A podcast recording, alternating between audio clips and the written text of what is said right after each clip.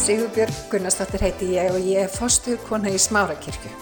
Við langar til þess að bjóða þið velkomin í hlaðvarpan okkar en hér ætlum við að tala uppbyggjandi og hvetjandi orð. Ég vona svo sannlega að þetta blessi þig og hveti þið áfram til að gera góða hluti í lífinu. Takk fyrir og takk fyrir að bjóða mér.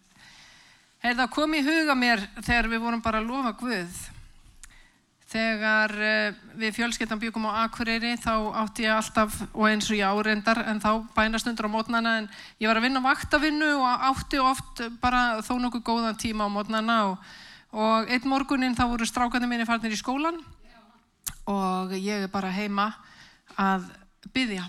Og þá kemur svo stert til mín þetta vers ekki eitt af beinum hans skal brotið.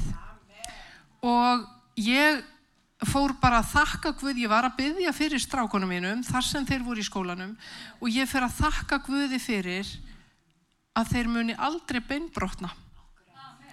Og svo líða, svo bara líkur minni bænastund og líða kannski tveir, tveir klukkutímar og þá fæ ég símtal frá skólanum.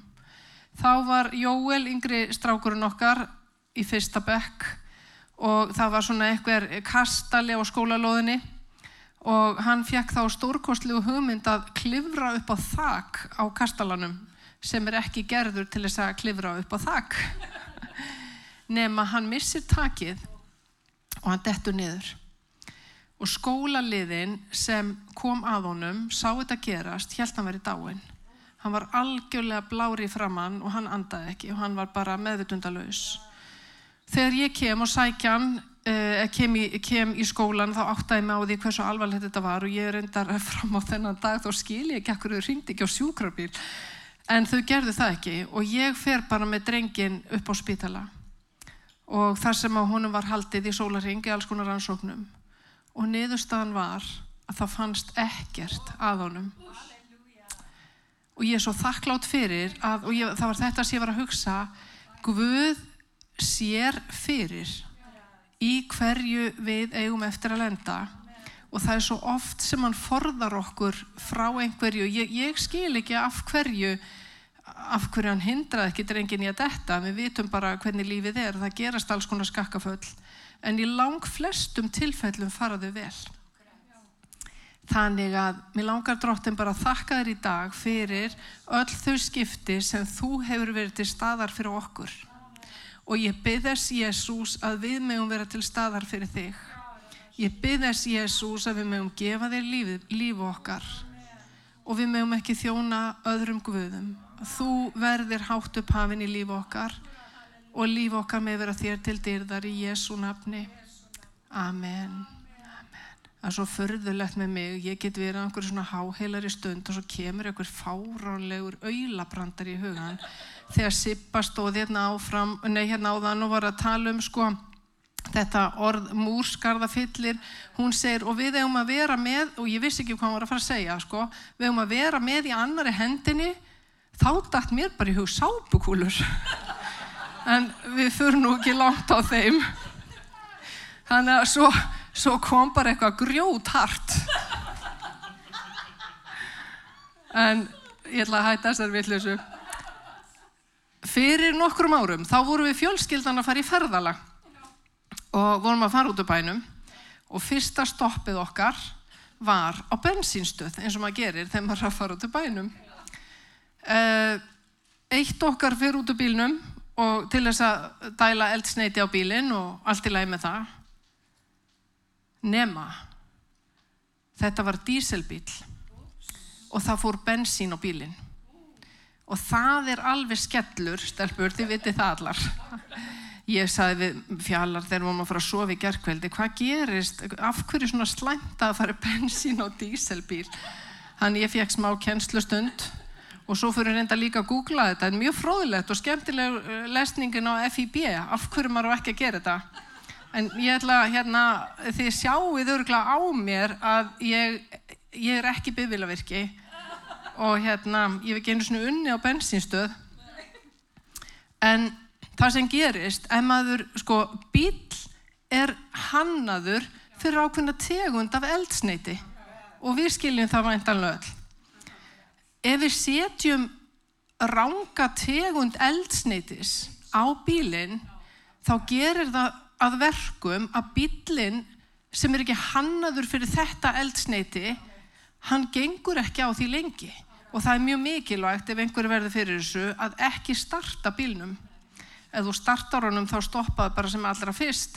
Vegna þess að þú fyllir bílinn af bensíni þá hann gengur kannski einhverja metra á ólíunni sem er í slöngunum og síjónum og hvað þetta heitir nú allt saman hérna í eldsneitistankin en svo þegar bensíni fyrir að pumpast inn sem er óljuríkara finnst ykkur ekki stórkostlega fræðsla sem þú eru að fá hér í dag þá hérna þá fer bílin að högta það verða gangtrublanir og svo bara drepar hann á sér.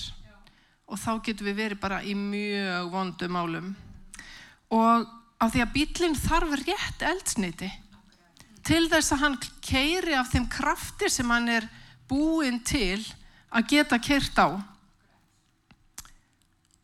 og það þarf ekkert mjög mikið bensín. Maður kannski sleppur út með 60 lítra tank sem er svolítið stór. Og þú setur 2-6 lítra af bensínu og fattar þá mistingi sem þú gerðir, það getur sloppið. En ég myndi ekki taka síðan sinn. En að vegna þess að þetta blandast svo fljótt. Og þannig er stafan líka í lífinu okkar. Skemmtilegt að líka okkur við bensíntank.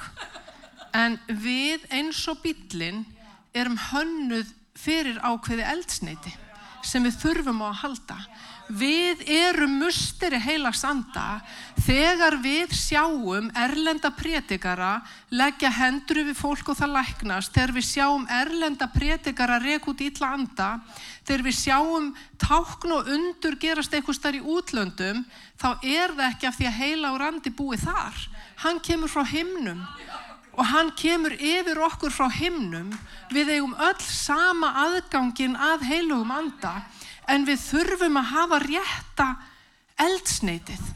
Þaðan fáum við kraftin til þess að við fungerum eins og við erum sköpuð til að fungera. Það segir í Jésaja 40. kapla og versi 29 Hann þarf að segja Guð veitir kraft Guð gefur kraft hinnum þreita og við mörgla öll einhver tíma verið á þeim stað að vera þreytt og vera þróttlaus. Hann veitir kraft hinnum þreytta og þróttlausa einhverjan mátt og það er svo mikilvægt að eiga þennan andlega kraft og þennan andlega styrk. Við getum verið algjörlega búin á því líkamlega en ef við eigum innri frið og ef við eigum þessa orku sem heila og randi gefur þá getum við haldið áfram. En ef við fyllum tankin okkar af einhverju öðru þá hefur það áhrif. Og það getur verið ótrúlega fljótt að menga í já nú ætla ég að segja ykkur af því að ég er búin að líka ykkur við hérna bensíntank. Ég veit ekki hvort ykkur einhver tíma ykkur hefur einhver tíma dottið í hug hvað Pál Postuli gerði. Hann líkir okkur við matarstell. Ég legg nú bara ekki meira á okkur Það segir nefnilega í öðru tímutöðsabrifi 2.20 á stóru heimili, hann hefur greinlega einhver tíma komið inn á stórt heimili, Óli Kokkur þekkir nú stór heimili ábyggilega. Á stóru heimili eru ekki einungi skullkér og silfurkér, heldur líka trékér og leirkér. Sum eru til viðhafnar, önnur eru til hverstagsnota. Og við vitum það, við þekkjum þessa líkingu og við veitum líka og eh, ég veit ekki hvernig, hvernig var á æsku heimilónum ykkar á heimilinu mínu var staðan þannig að það var á hverstagsstell sem við borðum af alla daga og svo ótt við sparistell og þetta held ég að mörg okkar, þetta er svona eina af þessum vennjum sem við höfum aldrei einhvern veginn bara efast um eða dreyði efa og svona er þetta bara mjög mörgum heimilum. Þegar okkur langar að gera okkur glaðan dag þá erum við með flottara matastel og það getur bara verið alveg svakalega dyrt. En það vill enginn borða af sparistellinu ef það er skítugt. Það er alveg sama hversu dýrt það er. Þó að diskurinn kosti 25.000 ef það var ekki vaskað upp eftir síðustu veistlu þá viljum við frekar hverstagstælið og þegar við förum út að borða þá skiptir engu máli þó að við fengjum gull nývapur ef þau hafi ekki verið þvegin upp eftir síðustu gesti þá viljum við ekki borða með þeim og okkur, við finnum bara þetta er eitthvað svona bara viðbjóðslegt.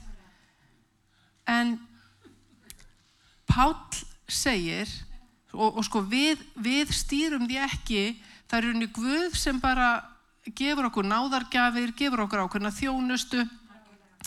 Og hvort við erum hverstagstellið eða sparistellið sem við notum stund, notum stundum, það skiptir engu máli hversu hæfileikarík við erum, hversu vel við getum pretikað eða sungið eða hvað við getum gert ef það er, ef það er eitthvað að í líf okkar, ef krafturinn, ef eldsneitið er ekki til staðar, þá er betra að nota hverstagstellið það er betra og, og, og þetta er kannski, þetta er svolítið sorglegt vegna þess að, og við vitum það alveg að það er til ofbóðslega hæfileikaríkt fólk sem einhvern veginn á ekki þennan kraft heila sanda af því að það heldur kannski að það skipta einhver máli hvað er sett á tankin á, og, og við vitum það líka að sko stellið, matarstellið það mæðir á því.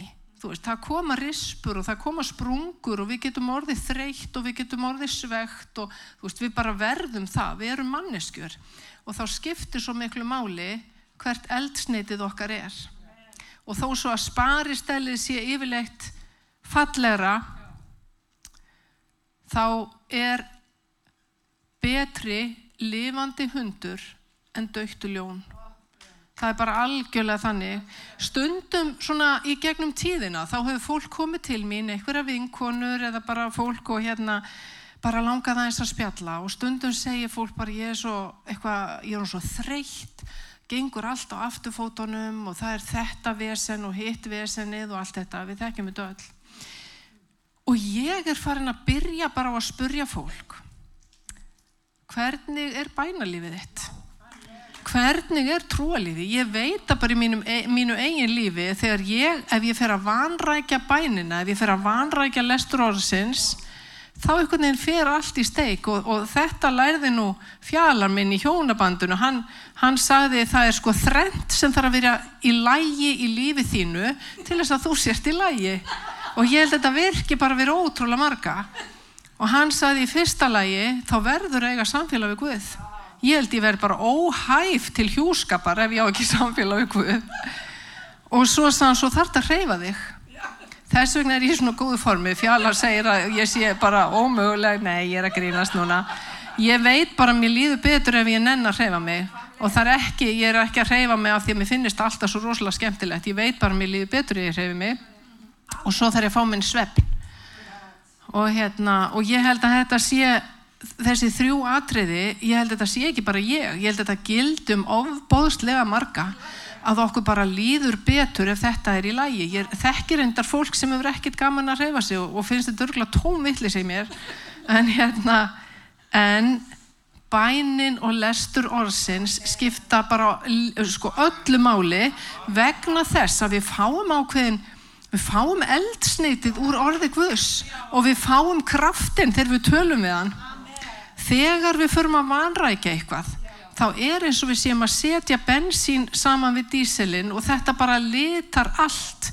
Biblíðan segir lítið súrdeg sírir allt degið og ég veit ekki hvort þið munið eftir þeim tíma þegar það mátti reykja í flugvilum þá var sko reykingasvæðið fremst, eða fremst, bara um alveg fremst eða aftast öðrum einn í vélinni og það var helmingur vélarinnar sem mátti reykja en ekki hinhelmingurinn og fyrir okkur sem ekki reyktum þá var alveg ömulegt að lenda í fyrstu röðinni fyrir aftan eða framann reykingasvæði af því að reykurinn berst bara á milli.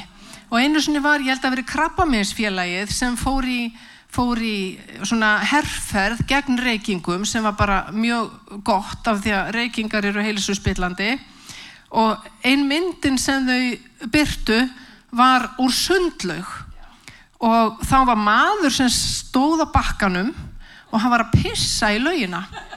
Og svo var bara svona skildi í miðri lauginni og það sem hann mátti pissa í laugina hérna megin en það mátti ekki pissa í laugina hérna megin. Og ég held einhvern veginn að fólk tengdi við þetta. Þú veist, bara halló þetta bara bara blandast þannig, og ég minn það dettur vonandi engum í hug að gera þetta og okkur finnst þetta að þetta var fyndin auglýsing. En þetta er bara, þetta er málið þetta blandast. Í fymta kapla postulásögunar er saga af hjónum sem héttu Ananías Ananías, ég skil ekki að hvernig var bara ekki lótin hitta Ananas. Ananías og Safira. Þetta er svona bara eins og ávaksta salat en hérna og þetta er bara alls ekki fyndin saga sem ég er að segja ykkur. Ananias ég veit ekki hvað ég get kallað mannin mér finnst svo erfitt að segja Ananias. Vilt þú ganga að eiga þennan mann? Ananias. Heyrðu, allavega Ananias og Safira voru hjón. Og þau voru hluti af frumkirkjunni. Og þau höfðu þá væntanlega játað trú á Jésu, gengið í kirkjuna og átt svona samfélag eins og við eigum í dag, bara, eins og bara við eigum. Svo gerist það að það eru einhverju landeigundur, eitthvað fólk í kirkjunni sem, sem eiga eignir og fólki fyrir að selja eignirna sínar og það fyrir að gefa andvirðið söfnuðunum. Svo einn daginn að þá þá selja Ananias og Safira land og reikningin segir að þau komu ekki með allan peningin, þau sem að dróðu undan að verði landsins og gáfu bara hluta. Og þau máttu það. Þau áttu þetta land. Það var hins vegar öllu verra og maður hugsa bara af hverju gerðu þau þetta? Af hverju sögðu þau ekki bara við seldum þetta land, við ætlum að gefa ykkur helmingin, þú veist, það er bara hellingur. Og af hverju sögðu þau ekki satt? Og e, það, þetta, er, þetta hafði svo miklar afleiðingar fyrir þau vegna þess að þau bara mistu, þau töpuðu lífinu. Þegar Pétur kemur til Ananiasar og segir við hann Ananias er það rétt að þið hafi selgt landið fyrir þetta verð og þá skrökvar hann. Og ég veit alveg stundum ef maður fær einhverja óheppilega spurningu fyrstu viðbröðum geta verið að maður segi ekki satt, svo bara átta maður sig. Og þá getur maður leðir þetta og ég veldi fyrir mér það er, það er mjög sennilegt að þetta hafi ekki verið í fyrsta skipti sem þau voru óheðaleg einhverja luta vegna fannst þeim bara óþarfi að vera 100% heiðaleg og það hefur alltaf afleðingar fyrir okkur sjálf. Það hefur alltaf verstu afleðingarnar fyrir okkur sjálf. Og Ananias, þegar Ananias segir við Pétur að hann hafi selgt þetta fyrir þetta verð þá bara spyr Pétur hann hvernig, hvernig honum hafi dóttið í hug að skrökva að heilugum anda. Og hvort, hver sem ástæðan var að þá sem sagt andast Ananias, hann bara nýgur niður og hann er dáinn. Og, og það var ekkit verið að hérna, býða í hálfa mánuð með að jarðan. Hann var bara borin út og jarðaður. Svo líða einhverju þrýr klukkutímar. Eða tala um þrjá stundir? Ég reikna með að það séu klukkutímar. Þá kemur konan, konan hans og Pétur spyr hana sömu spurningar. Er það satt að þið hafi selgt landið fyrir þetta verð. Og manni finnst einhvern veginn þegar maður lesi þetta þá, þá finnst manni einhvern veginn að það hefði verið svo auðvelt, kannski var það ekkit auðvelt, ég veit það ekki ef fólk eru orðið fast í að segja ekki satt. Að allavega finnst manni það hefði verið svo gott ef hún hefði sagt bara játað bara. Nei, við gerum það ekki. En það var einhver forherðing komin inn Þannig að hún segir bara já, við seldum fyrir þetta verð. Og það sama kemur fyrir konuna að hún bara deyr. Og söpnuðunum brá. Og ég efast ekki um að Guðræðslan, hún hefur aukist í söpnuðunum við að verða vittni að þessu. En við getum spurt hvað segir þetta okkur um trú þeirra? þau höfðu tekið trú á Jésu og þau höfðu byrjað að fylgjónum en kannski aldrei gefið honum allt. Aldrei verið tilbúin að gefa honum allt. Þau heldu einhverju fyrir sig. Og maður getur líka spurt áttu þau kannski aldrei bara einlægt samfélag við Guð? Vegna þess að stundum þegar maður er að byggja og maður er að lesa þá getur Guð nift í mann og bara hei þetta var ekki í lægi eða þetta þartu að laga en það er mjög ósennilegt að þetta hafi verið fyrsti óheðarleikin þeirra. Vegna þess að óheðarleiki byrjar oft smærra.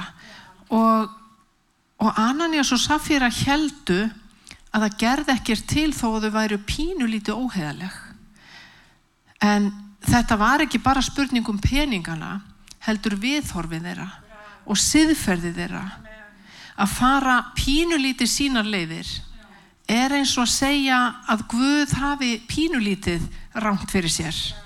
Við þurfum nú kannski ekki endilega að fara eftir alveg öllu sem hann segir. Þegar Móse leiti Ísraelsmenn út úr Egiptalandi, út úr þrældómi í Egiptalandi þá fara þeir inn í Eidimörk og ég hef ekki oft verið í Eidimörk en það er ekkert að borða þar.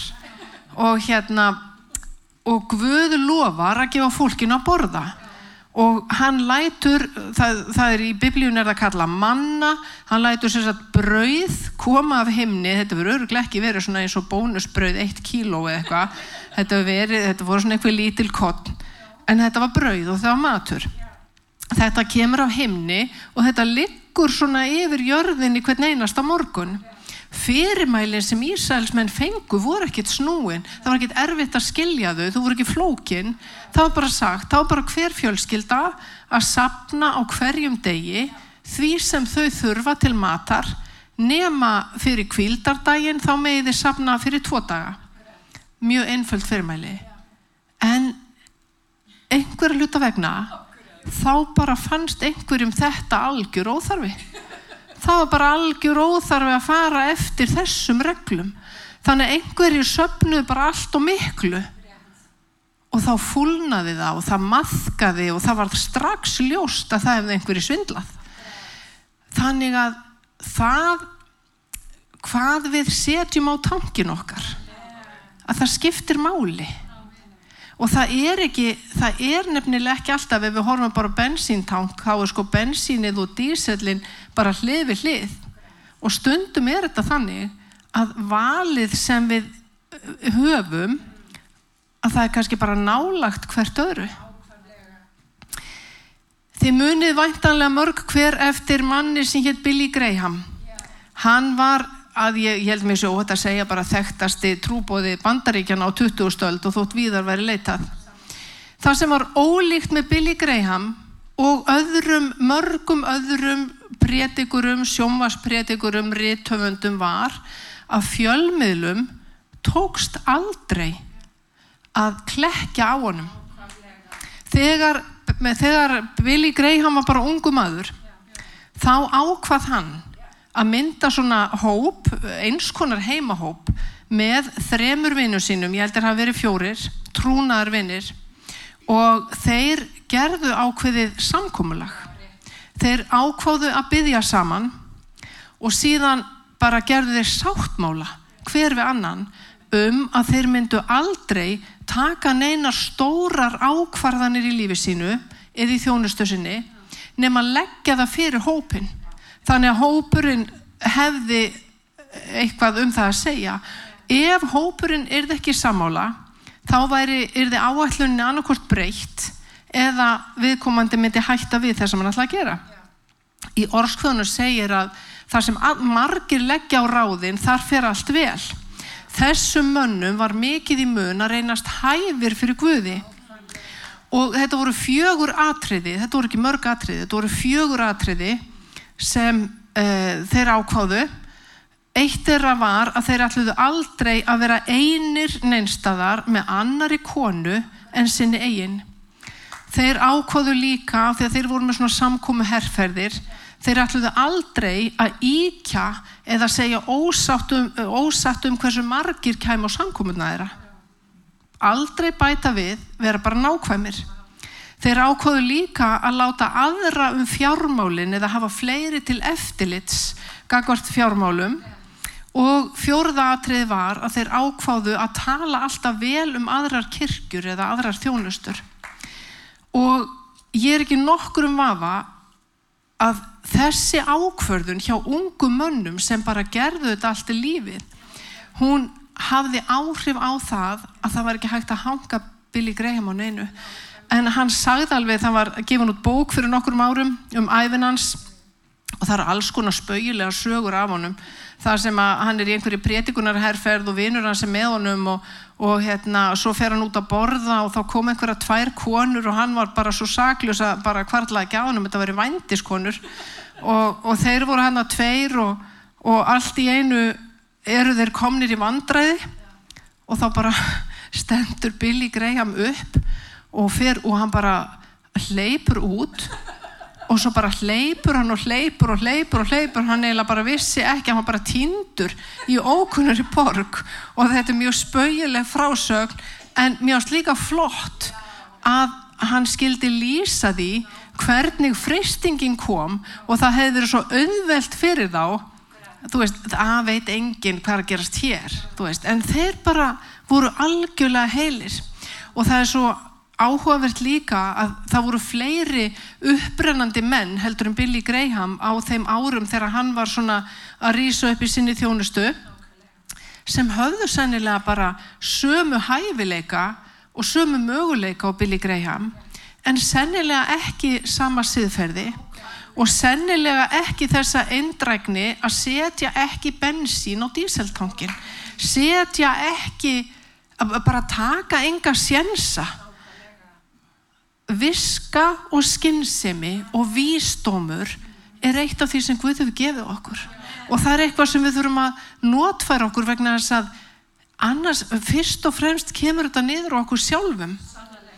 Og það sem er svo áhugavert líka við Billy Graham var að hann var tilbúin til að beigja sig undir það vald sem, sem þessi menn höfðu í lífans sem hann hafði sjálfur samþygt að beigja sig undir og já það voru tveir þekktir á sama tíma á Billy Graham og í dag veit enginn hverjir þeir eru. Tveir upprennandi prétikarar sem bara einhvern veginn náðu ekki sama flugi og hann. Örlítil ólíðni hryggir Guð. Að fara örlítið okkar leiðir kemur niður okkur sjálfum. Og nú hljóma ég eins og ég sé 100% pottit í öllu. Ég er það ekki ég hefði alveg gott af því að hafa einhvern hópi kringum mig sem ég tristi og segi það sem ég er að hugsa bara til þess að halda manni á beinu brutinni vegna þess að við eigum öll óvinn sem reynir að fell okkur. Og það skiptir máli að vera heiðaleg Sál konungur held að hann kæmist upp með að fara pínulítið sína leiðir og hlýða ekki fyrirmælum Guðs algjörlega. En það kosti hann konungdómin og hann reyndi að afsaka sig þegar það komst upp um hann en það var bara sent og hvort fólk hlýðir fyrirmælum Guðs eða ekki það fer ekki endilega eftir í hver fyrirmælin eru. Stundum er jafnvel bara erfiðar að gera eitthvað sem er erfitt heldur en smáatriðin heldur en þessi litlu sára einföldu atriði. En það er ástæða fyrir því að Jésús aðeins sælir eru þeir sem heyra Guðs orð og varðveita það og virða það og fara eftir því. Við eigum öll á hættu að setja rámt eldsneiti á tankin okkar. Og við eigum okkur óvinn sem vill ekki að við séum full af heilu og manda. Við eigum okkur óvinn sem vill ekki að við séum knúin heilu og manda vegna þess að það gefur okkur vald. En til að hreinsa eldsneitistankin þá þarf að tæman það þarf að hreinsan og Jésús sagði hver sem vill fylgja mér afneiti sjálfum sér taki kross sinn daglega og fylgi mér. Og Pál sagði ég er krossfestur með Kristi. Hvað er það? Ég er krossfestur með Kristi. Sjálfur lifi ég ekki framar heldur lifir Kristur í mér.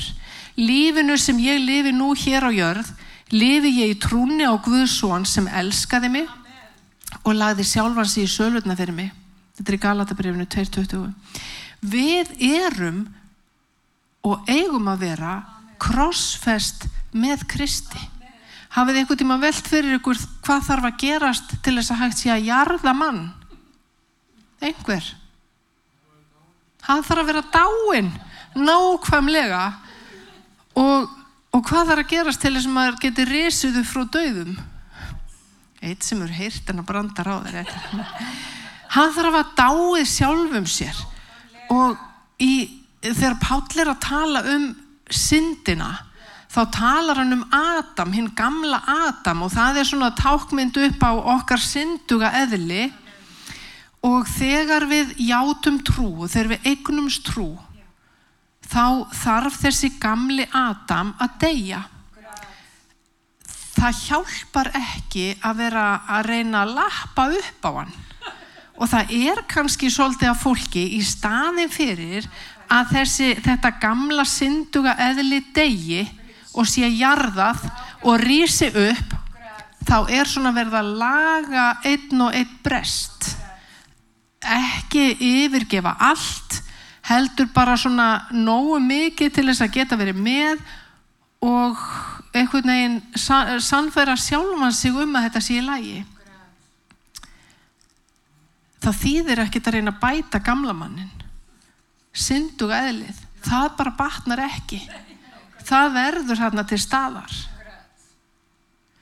Jésús er að kalla fólk til dýpra samfélags Sippa sagði hérna á þann að það væru og myndu verða stórkostlegir hlutir sem myndu eiga sér stað á landun okkar og ég trúi því, fólk er að þrengja sér nær Guði, fólk er að byggja meira, fólk hungrar og þystir eftir heilugum anda og eftir því að fá að sjá þetta sem er ekta undanfarið hef ég verið að byggja úr Markusakvöðspjalli 16. kabla þar sem Jésús segir þessi tákn munu fylgja þeim sem trúa. Og svo segir hann þeir munu reka út illa anda. Og ég verið að byggja Guð bara þegar þeir byrtast viltu þá gefa mér greiningu? Þannig að ég átti mig á. Þannig ég far nú ekki að ráðast bara sára saklust fólk með einhverju vitleis og látum. Að ég megi hafa greininguna. Að ég megi átta mig á því hvað þetta er og ég megi hafa valdi til að reka þá út, ég megi hafa valdi til að stoppa þá og svo segir hann líka þeir munu tala nýjum tungum og við gerum það. Og við hefum að geta lagt hendur yfir sjúka og þeim á að geta batnað. Og þetta langar mig að fá að sjá. Og ég veit og er fullt, þetta er að gerast út um allan heim. Mér langar að sjá þetta gerast hjá okkur. Ég, meir, ég veit alveg að fólk er að læknast og ég veit að það eru alls konar hlutir að gerast. Mér langar bara til þess að Jésús sé raunverulegri hann sé bara sínilegri á meðal okkar og ég held að það stranda okkur. Ég held einhvern veginn að við þurfum á einhvern nátt, ég þarf að vera djarfari, það er nefnilega alveg merkilegt að þegar maður fer af stað þá oft bara gerist eitthvað. Svo maður alveg steinhissa á af hverju gerðist eitthvað þarna. Það var kannski bara því að það var mér sem dætti í huga vittna fyrir einhverjum. Skiljiði, það er hérna en Jésús er að kalla fólk og Jésús er að kalla þig. En áður en þú stýgur út þá vil hann reynsa tangininn hvað er á tanginum þínum? Þarf kannski að tæma tangininn þú vilt ekki ganga af stað og svo bara allt í hennu fyrir eitthvað að högta þegar það má ekki fara að högta eða allt í hennu drepur vélin á sér þegar verst stendur á. Þú stýrir þínu blekki. Og ég var að hugsa þetta í gær. Þetta með að tæma tankin og ég hugsaði með mér bara drottin viltu tæma tankin minn til þess að fyllan af eldsneitinu sem þú vilt að sé fullur af? Það er það sem ég þarnast og þetta að deyja sjálfum sér því eldri sem að verður maður er búin að ganga með Guði ákveðin árafjölda lífið er komið í ákveðina skorður og maður þarf að staldra við og hugsa býtu af hverju sé ég ekki þessi tákn í lífið mínu? Það er eitthvað meira. Það er eftir meira að slæjast við höfum ekki eignast þetta allt. Er eitthvað óhreint í tankinum þínum. Bílar eru dregnir á verstæði þegar það er dælt á þá vitlösu eldsneiti vegna þess að að keira þá lengra ef, ef, ef þeim er ekið á raungu eldsneiti þá fer allt í steik. Og stundum þarf hérumbil að draga mann. Stundum getur maður haldið svo fast í eitthvað sem maður vil alls ekki sleppa takjun af að það getur sko þurft að draga mann en eigandin ræður hvað hann gerir. Á sama hátt og ef, ef það fer vittlust eldsneiti á bílinu okkar þá ræður eigandin hvort hann reynir að starta honum hvort hann tekur sjensin á að láta þetta sleppa eða hvort hann lætur dragan á verstæði eða dregur hann sjálfur að hvernig hann fer að því. En það er sama með okkur við ráðum hvað við gerum. Þannig að nú spyr ég bara hvað vilt þú? He heilagur andi hjálpar okkur í veikleika okkar. Og hann byður fyrir okkur eftir vilja Guðs. Og það sem þegar Guð ópimberar fyrir okkur kannski einhverja synd í líf okkar eða, eða kannski bara að við erum ekki nógu nákvæm þetta þarf ekki að vera eitthvað stórt þetta getur verið eitthvað bara algjört smotteri sem Guð vil samt fá að eiga við hann vil samt fá að laga hann vil samt fá að leysa til þess að við leiðumst ekki lengra út af veginum ég ætla að beða ykkur að rýsa á fætur Ég hveti til þess að stilla inn á okkur með reglum hætti því að hér verður alltaf eitthvað nýtt á nálinni. Takk fyrir að hlusta.